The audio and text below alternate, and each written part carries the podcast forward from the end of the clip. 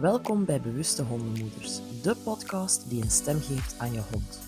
Ik ben Annelies, opvoedingscoach voor ouders van puberhonden en neem je heel graag mee in je bewustwording naar moderne opvoedingstechnieken en de emotionele leefwereld van je hond.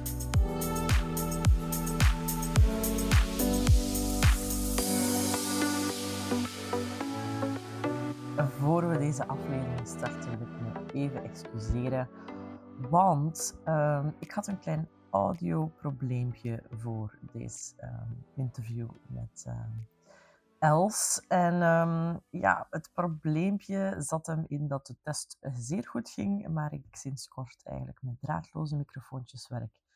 Dat heb je dus niet met bedraden microfoons, dat probleem. Maar na de test moet blijkbaar mijn microfoon toch uitgevallen zijn.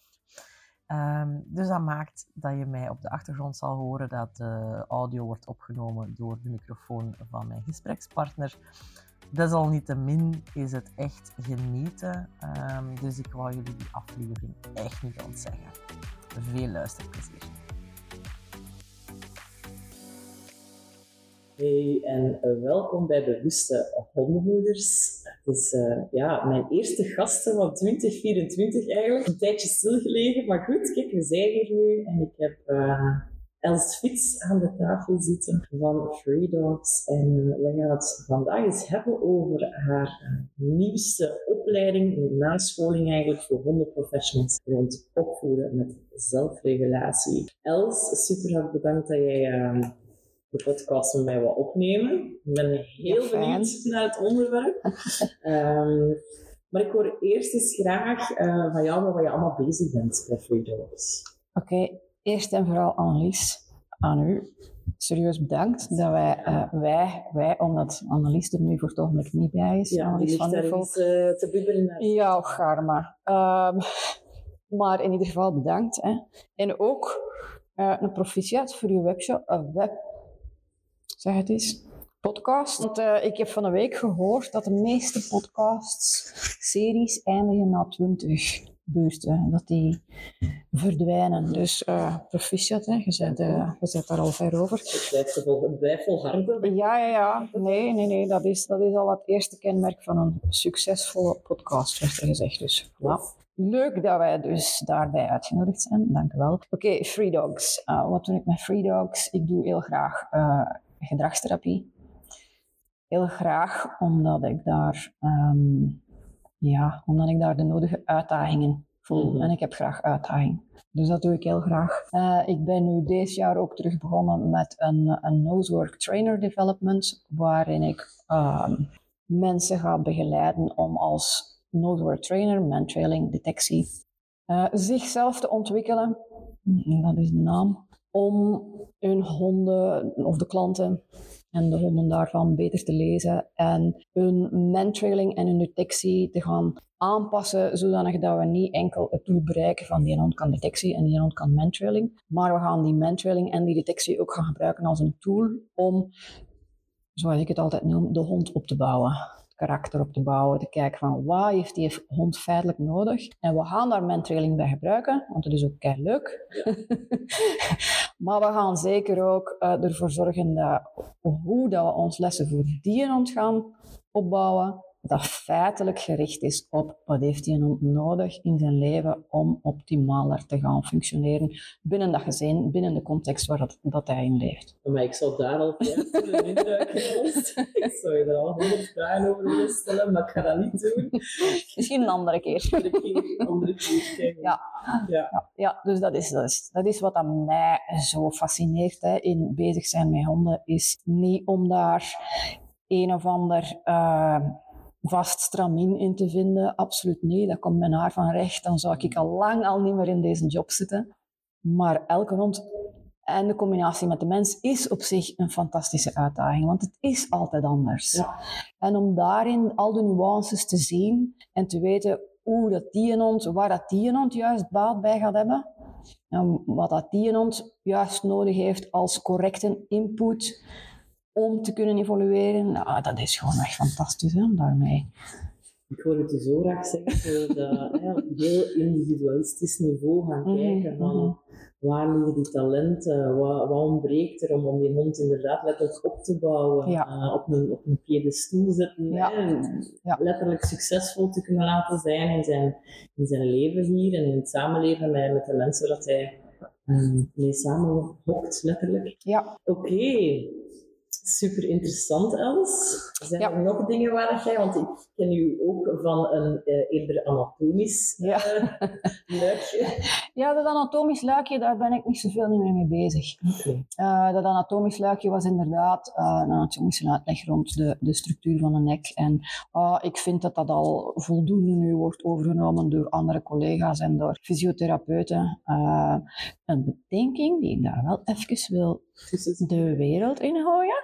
nu even een, een momentje daarvoor mag kiezen. eh, is dat er nu vrij veel kritiek komt op, op het dragen van harnassen van ook professionals uit, professionele fysiotherapeuten en dergelijke, kinesitherapeuten. Ehm, meestal wordt daar geen rekening gehouden met het feit dat als wij een hond een harnas aandoen, dat wij ook een langere lijn gebruiken. Drie meter minstens, vijf meter, tien meter. En de bedenking altijd maken, als uw hond 10 meter achter u staat en tot 10 meter voor u kan spurten, hoe, hoe goed dat het dan ook kan uitgelegd worden van professionele fysiotherapeuten en osteopaten en dergelijke, dat kan nooit goed zijn Nee, om die een impact op een nek te krijgen. Ja. Ja, dus, dus altijd die, die nuances even proberen te zien van wat is de context?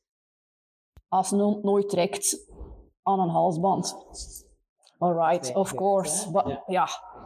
Maar, eh, maar is dat echt wat dat we wensen van een hond, dat hij nooit even mag enthousiast zijn in zijn leven en een keer Amai, maar nu ben ik wel echt... Ik weet nog niet doorgaan wie dingen wat ik ga toch doen.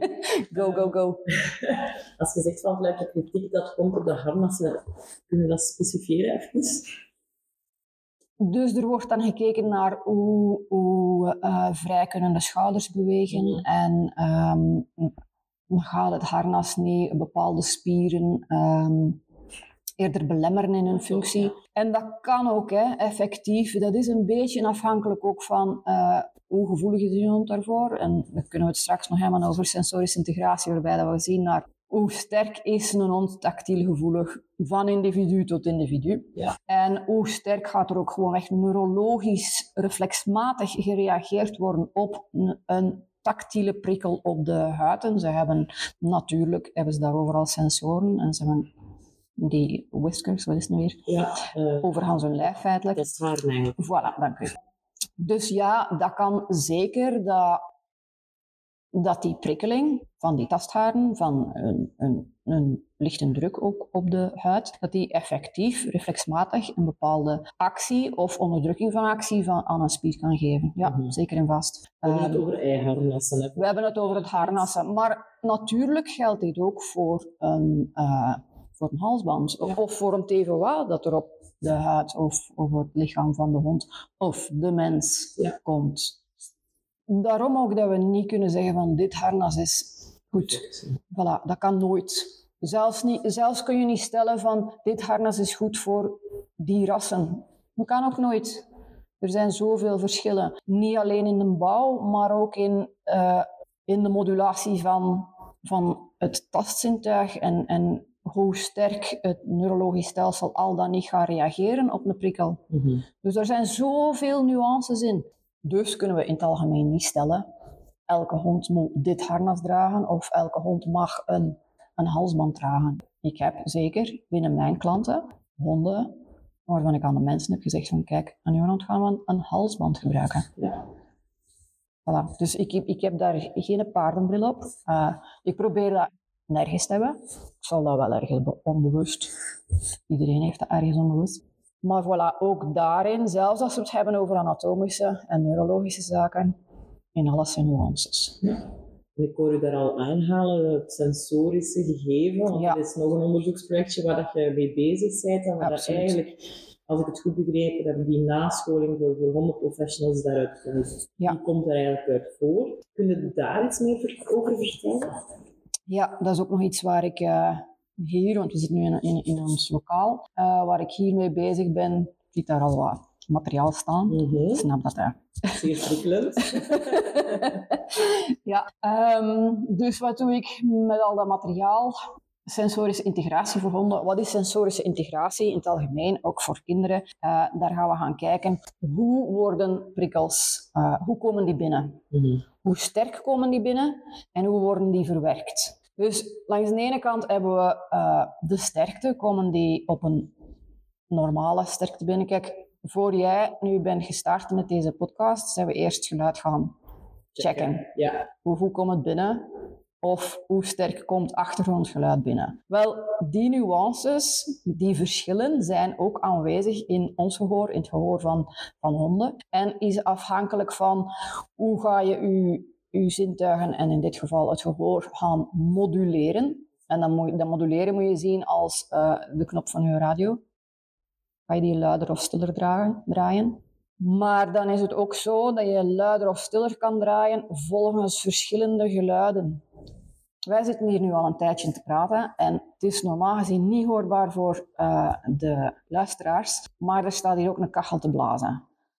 Als je binnenkomt, dan valt dat sterk op. Na een tijdje merk je dat niet meer. Ja. Ja? Dus dat is een bewuste modulatie. Ik betrek daar ook even snel, je moet me tegenhouden als ik te diep duik. Oké.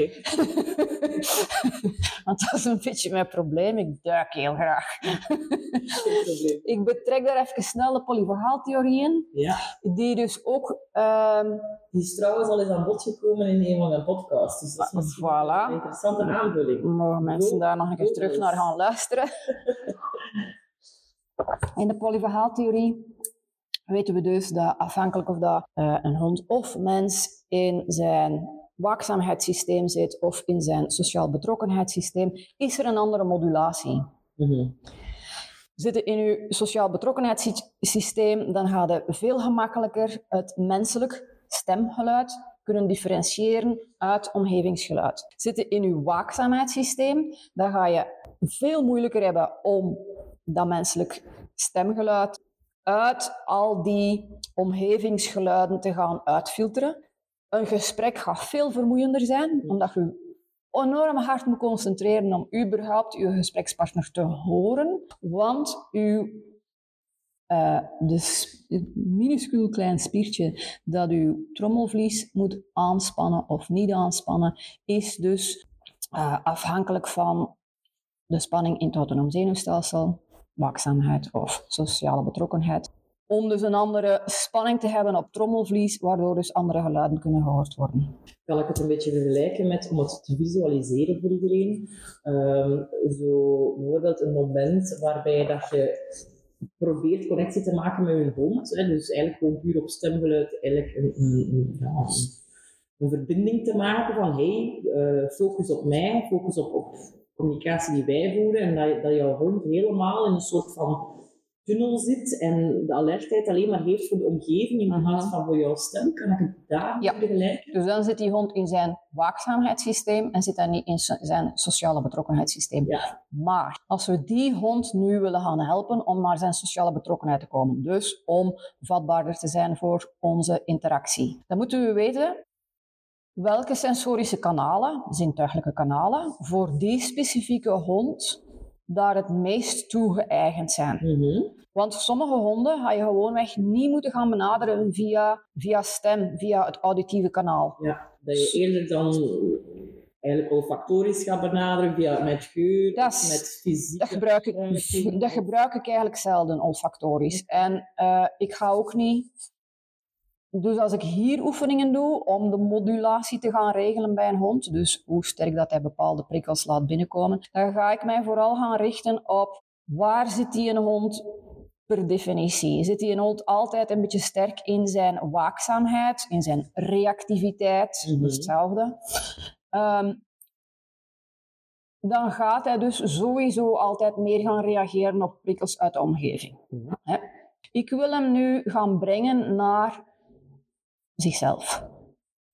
In eerste instantie. Als je naar jezelf kunt komen, als je de prikkels van intern kunt ervaren, dat is het duidelijk verschil tussen gericht zijn op prikkels van extern. Als er gevaar is of als alles excitable is rondom u, dan is uw focus op extern. Mhm. Dus de, het verschil dat ik wil maken, is dat ik die hond wil vaardigheid geven om beter bij zichzelf te blijven. En dus minder overrompeld te worden van externe factoren. Maar ik ga, dan, ik ga dat niet passief opleggen aan die hond.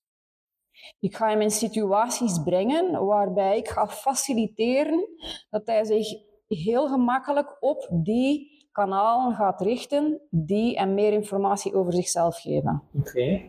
Dus, dus niet, ik ga die niet aanraken. Mhm. Maar ik ga er wel voor zorgen dat hij bijvoorbeeld oefeningen moet doen waarbij dat hij ervoor kan kiezen of niet. Maar het gaat maar lukken als hij zijn tactiele informatie gaat gebruiken. Zijn tastzin gaat gebruiken. Dus je ziet hier plankjes liggen. Hè? Ja. Je ziet plankjes liggen van, van verschillende, daar staan er ook nog, van verschillende breedtes. En als ik nu honden een, eh, een, tactiel, een tactiele informatie wil laten gebruiken, dan kies ik de breedte van de plank volgens de grootte en breedte van de hond. En dan wil ik gaan zien dat ze met hun teentjes gaan voelen waar ze staan. Dus ze staan op een verhoogde plank. En ook met die verhoging kan ik dan weer spelen om een visuele input te geven. Voor sommige honden heb ik nodig dat ik visueel heel duidelijk maak dat ze verhoogd staan. Dus moet ik iets hoger gaan. Nog altijd binnen een veilige marge natuurlijk. En dan wil ik gaan zien dat ze zich bewust worden. En dat ze bewust gaan voelen, ik sta, ik voel hier de rand, dus dus heb ik informatie over, ik ben hier ten opzichte van de ruimte. Dus ik breng daardoor, en, en niet alleen door, daardoor, maar ik breng daardoor zelfbewustzijn en ruimtelijke oriëntatie. Ja. En dat ga ik gebruiken. Van daaruit kan ik zelfregulatie. Want je moet je in eerste instantie bewust zijn van jezelf. Ja.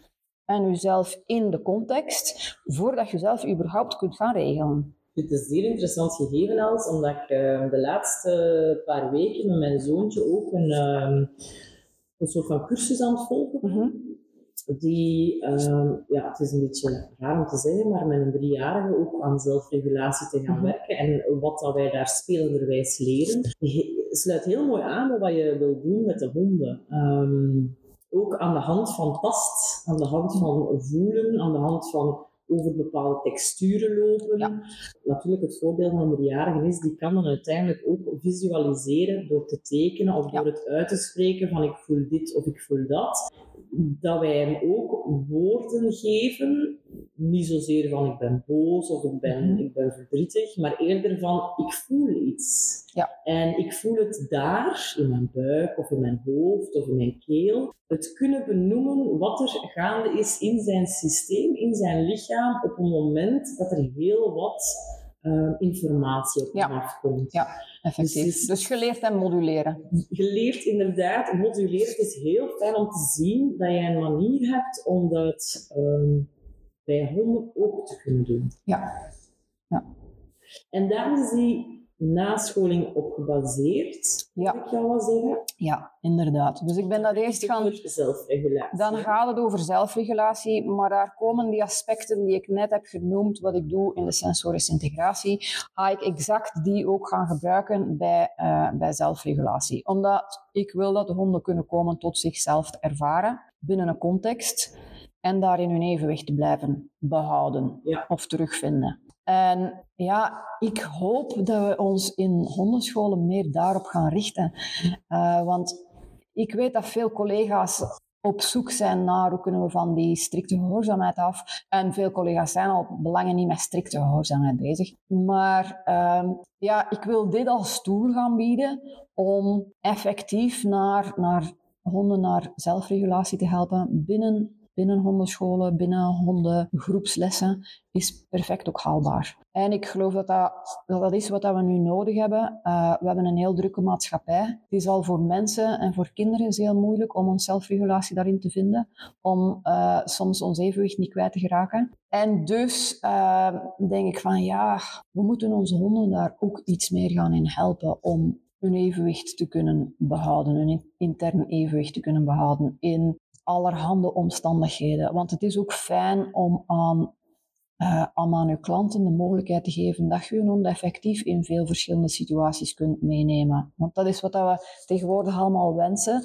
En dat is wel wat veranderd met een aantal generaties geleden. Ik toen ik klein was, uh, onze honden die bleven thuis als wij ergens naartoe gingen met gezin. Nu zijn honden veel meer deel van het gezin. Maar dat wil zeggen dat we op korte tijd dat de, uh, ja, ik wil niet zeggen druk, maar potentieel is dat een, is dat een druk als ze het niet aan kunnen. Dat de bevraging naar honden toe wel verhoogd is. Ja. Terwijl dat onze, onze maatschappij ondertussen ook echt drukker en drukker aan het worden is. Ja ik noem het heel vaak de, de verwachtingen die we leggen op onze ja. honden en dan heel vaak op, de jonge honden. Ik ga er in maart ook even over babbelen tijdens het, uh, het congres van de Vereniging van Dierengedragsprofessionals, waarbij dat verwachtingen ja, een heel grote rol spelen mhm. in het uiteindelijke gedrag dat een hond vertoont binnen een gezin, ja, of niet. Um, ja. Ik vind jouw insteek van, hey, dit zou dit zou meer en meer in groep mogen aangeboden worden als alternatief voor, want ik heb heel lang het gevoel gehad van er is geen alternatief. Mm heel veel honden die ik zag bij mijn klanten, die ik echt moest zeggen van sorry, maar stop ermee. Hè. Mhm. Stop met ja, groep herkenbaar. die te laten functioneren. Maar inderdaad, als er een manier kan zijn om ehm, in die context te werken aan iets waar dat die hond zijn leven lang eigenlijk profijt uit haalt. En uiteindelijk... En het gezin, hè. Voilà. voilà. En het gezin ook, want laten we eerlijk zijn, een zitten en liggen is fijn, maar een hond die zichzelf kan reguleren, is denk ik nog zoveel fijner Absoluut. Dan, ja. dan een zeer gehoorzame hond te hebben. Absoluut. Oké, die zelfregulatie. Kun je in uw woorden even uitleggen ehm, hoe dat je dat ziet, zelfregulatie, wat dat, dat voor jou betekent? Wat is zelfregulatie? Op het congres van Annelies heb ik daar een, een, voorbeeldje in gegeven dat gaat over menselijke zelfregulatie, omdat ik denk dat voor iedereen herkenbaar is. Mm Je gaat met je kleine van, van drie jaar naar de winkel. Hè? Oh nee. voilà, voilà. en hij heeft donger op die moment. Ja. En hij ziet daar van alles dat, dat dat probleem kan oplossen. Ja. Maar jij zegt, nee jongen, we moeten dat eerst betalen. Dat is nog niet van ons. Dat mogen we nog niet direct opeten. En die jongen zegt, moeder, wat zeg jij nu voor zeven? Ik snap daar niks van. En, en jij zegt, maar straks een auto mogen we dat opeten. En die jongen zegt, straks, straks. Wat de hel is straks? Weet ik daar niks van. Ik, heb, ik kan ik duur nog niet lezen. Dus dat zijn allemaal ja, uh, contextregels die, die, die voor uw peuter nog totaal niks betekenen. En hij heeft honger en hij wil dat oplossen. En moeder helpt hem niet. Ja. Hoe is het mogelijk? dus die peuter kan daar dan een breakdown hebben van hier te Tokio, dat moeder liefst zo snel mogelijk die, die winkel uit rent. Um, Oké, okay, fast forward en die peuter is nu 30 jaar. Die peuter gaat, die volwassene, Ga nu naar de winkel en die volwassene heeft honger. Mm Je weet al wat er gaat gebeuren. Hè? Je koopt veel te veel. Waarom koopt je veel te veel? Omdat je met honger naar de winkel gaat. Omdat je met honger naar de winkel gaat, maar vooral omdat je ondertussen zelfregulatie hebt geleerd. En zelfregulatie is dat je je gedrag weet aan te passen, dat je je emoties weet aan te passen en dat je je gedachten weet aan te passen volgens nog altijd passend binnen je eigen doel, wat wil je bereiken, mhm. maar ook passend binnen contextregels. En de contextregel in de winkel is, je neemt dat hier niet zomaar uit de rekken en je begint dat hier niet gelijk op te eten. Ja, nee, dan lees dat mag dat niet doen. dat is een goeie. Sleptomanen hebben daar lichtjes andere, andere zelfregulatie bij, maar... Dat is een van is van de creatief. Ja, ja, ja, maar dat geloof ik ook. Maar goed, hè, een keer dat je 30 zei, meestal doe je dat dan niet meer. Um, maar wat doe je wel? Je hebt je gedrag aangepast, maar je hebt ook je emoties en je hebt zelfs je neurofysiologie aangepast. Mhm. Want je zit daar in die winkel, je ziet al die dingen die super lekker zijn en je wordt al vrolijk bij het gedacht alleen al dat je die straks gaat opeten. Je bent al dopamine aan het, aan het releasen. Ja. En dus koopte jij te veel. Ja. Want hoe meer dat je ziet en hoe meer dat je denkt van oeh, dat gaat ze niet lekker zijn, hoe meer dat er in je mandje verdwijnt. Ja. En dat is zelfregulatie. Dus zelfregulatie is niet, ik ben daar in die winkel en ik ben aan het onderdrukken dat ik die pakjes niet direct open doe en alles niet direct op. Nee, er is geen onderdrukking. Er- Je moet geen gedrag onderdrukken. Nee. Het, je hebt je dopamine, sowieso. De anticipatie Ja. is, eh, is het dopamine aanmaak. Voilà. Ja. Dus je bent sowieso bevredigd feitelijk. doet denken Els, aan een onderzoek dat gebeurd is, waarbij dat ze vastgesteld hebben dat inderdaad, hè, het voorbeeld verklaart het ook heel mooi, dat heel jonge individuen, ik kijk dan ook naar de puberhonden die ik begeleid, eigenlijk geen dopamine aanmaak hebben op de anticipatie, maar op het effectieve verorberen van. Ja. En dat naarmate dat hun hond volwassen wordt, ehm, dat het inderdaad de anticipatie is waar dat honden dopamine op aanmaken. Dus het wachten op een beloning, het wachten op voedsel bijvoorbeeld, of op Mhm. aandacht, of wat dan ook. Dat dat hetgene is dat dan hè, die dopamine vrijmaakt. Terwijl Ja. bij die kleintjes, die pubertjes ook, ja, het is een beetje zoals je zei, die peuter in de winkel, die moet het nu en die moet nu Ja. die behoef- behoefte ingevuld krijgen. Eh, anders krijg je een meltdown. Exact, want die moet nog leren wat is straks. Ja. Die moet nog leren wat zijn de regels van de winkel. Mhm. Die moet nog leren van, oh maar ik kan nu wel kiezen. En dat is ook leuk. Ja. Die heeft nog zoveel dingen te leren en dus al die, al die linken te leggen in, in zijn hersenen. En dat moet, dus, dat moet dus gebeuren. En dat is onze taak. Dat wij dat leren ondersteunen. Ja. Dat is dus wat dan ik zou willen, dat, dat we vanuit dat principe vertrekken als we honden ook in groepslessen gaan zaken aanleren. Mhm. Dat we vertrekken vanuit het principe van wat moet ik die, die hond nu gaan geven als, als informatie en wat, is, wat zijn de tussenstappen om uiteindelijk te komen tot dat hij het feitelijk zelf kan. Ja.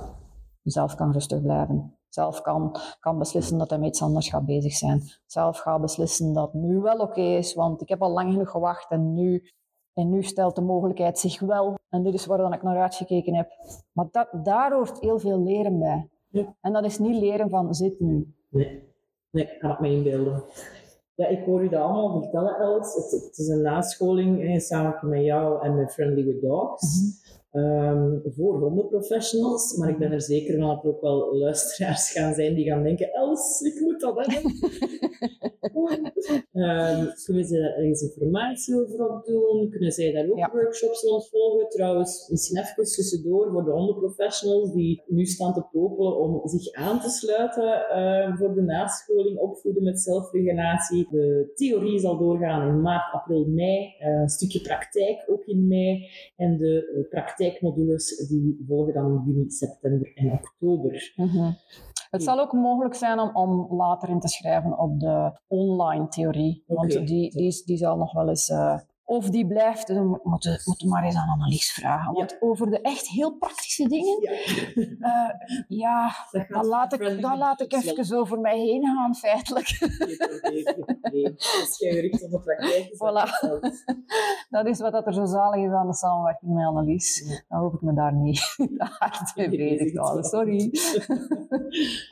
Dus mensen die dat horen en denken, ah, Els, ik ook, Mhm. maar ik ben geen hondenprofessional. Nu, volgens mij, en Annelies moet het nog maar eens bevestigen, staat, staat het feitelijk open voor iedereen, maar we Mhm. willen wel... eh, er zijn zeker modules die, die wel, wel heel specifiek voor de professional zijn. En we willen ook gaan kijken, want dit is, dit is voor ons ook nu nog maar een start. Eh, de modules zijn ook, als je die gaat volgen, kan het best zijn dat je een, een, een proefsessie, als het ware, krijgt in één weekend. Ja, zo sterk ben ik niet dat ik iemand volledig geschoold ga hebben in hoe werkt het met die sensorische integratie, want dat zit er zeker een stuk in. En hoe werkt het volledig vanuit het zelfregulatieprincipe. Dat gaat ook een groeien worden. Dus wat dat zeker mogelijk is, is dat professionals die, die deze serie hier eerst volgen, dat daarop ook nog verdiepingsseries kunnen eh, aangeboden worden. Maar wat dat zeker ook mogelijk is, is als je eenmaal de observatiemodule hebt gevo- gevolgd, eh, dat is een van de praktijkmodules, die trouwens verplicht is. Daarmee moeten we echt starten. Zelfs voor professionals. Gaan kijken vanuit zelfregulatie, vanuit hoe moduleert een hond, vanuit welke sensorische kanalen zijn nu meest eh, vatbaar als handvatten dan voor ons om deze specifieke hond te bereiken. Ik merk toch, want ik geef al workshops in sensorische integratie, ik merk dat zelfs voor professionals een vrij nieuwe insteek is. Mhm. En daar hoort toch redelijk wat oefening en ervaring uh, bij om dat heel Ja, direct in de praktijk. Ja, voilà. Om dat in die mate in de vingers te krijgen dat, dat je er niet moet over nadenken en dat we het onmiddellijk, we zien een hond bezig en je kunt gelijk op de correcte manier ingrijpen om die hond in die situatie te begeleiden volgens het correct zintuigelijke kanaal. Ja. Daar is toch wel wat, wat, wat oefening bij nodig. Dus het is ook perfect mogelijk om bijvoorbeeld uh, die bepaalde modules dan nog eens te gaan herhalen. Ja.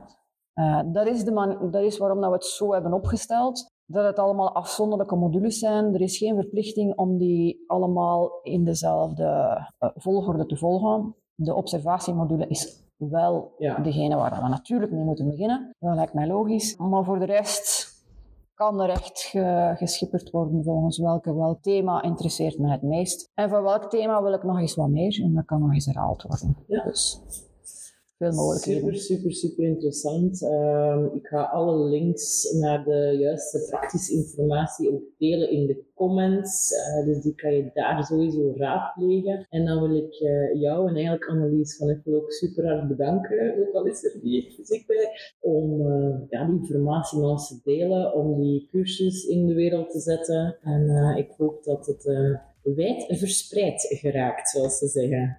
Ja, wel, uh, in ieder geval al een dikke merci aan u om daar al de eerste aanzet voor te geven. Dat is heel graag gedaan. Els, hopelijk tot een volgende. Super.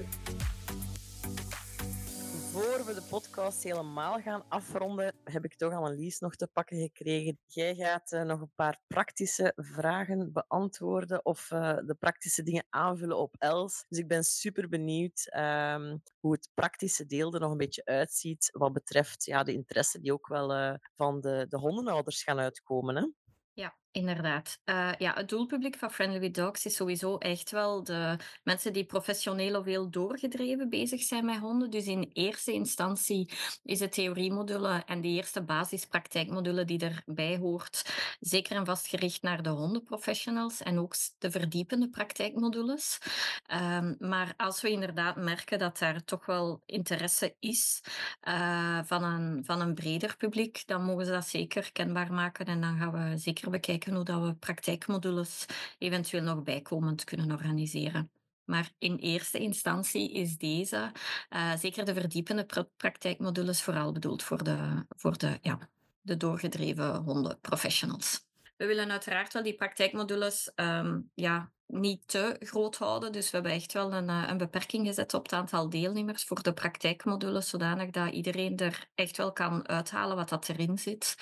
Uh, ik ben zelf ook heel benieuwd. Ik ben, uh, ben inderdaad heel blij dat we, dat we kunnen starten. En er zijn zeker al voldoende aanmeldingen, dus uh, dit gaat zeker, uh, gaat zeker doorgaan. Oh, super. Zoals ik daar juist al een keer benoemd had, uh, ja, je gaat alle informatie terugvinden in de comments. En uh, dan wens ik jullie uh, beiden super veel succes met de start. En ehm, tot een volgende. Super, bedankt voor de uitnodiging, alleszins ook. Graag gedaan. Bedankt om te luisteren. Nu nog iets meer naar onze honden en dan zijn we op weg naar een betere wereld. Salut!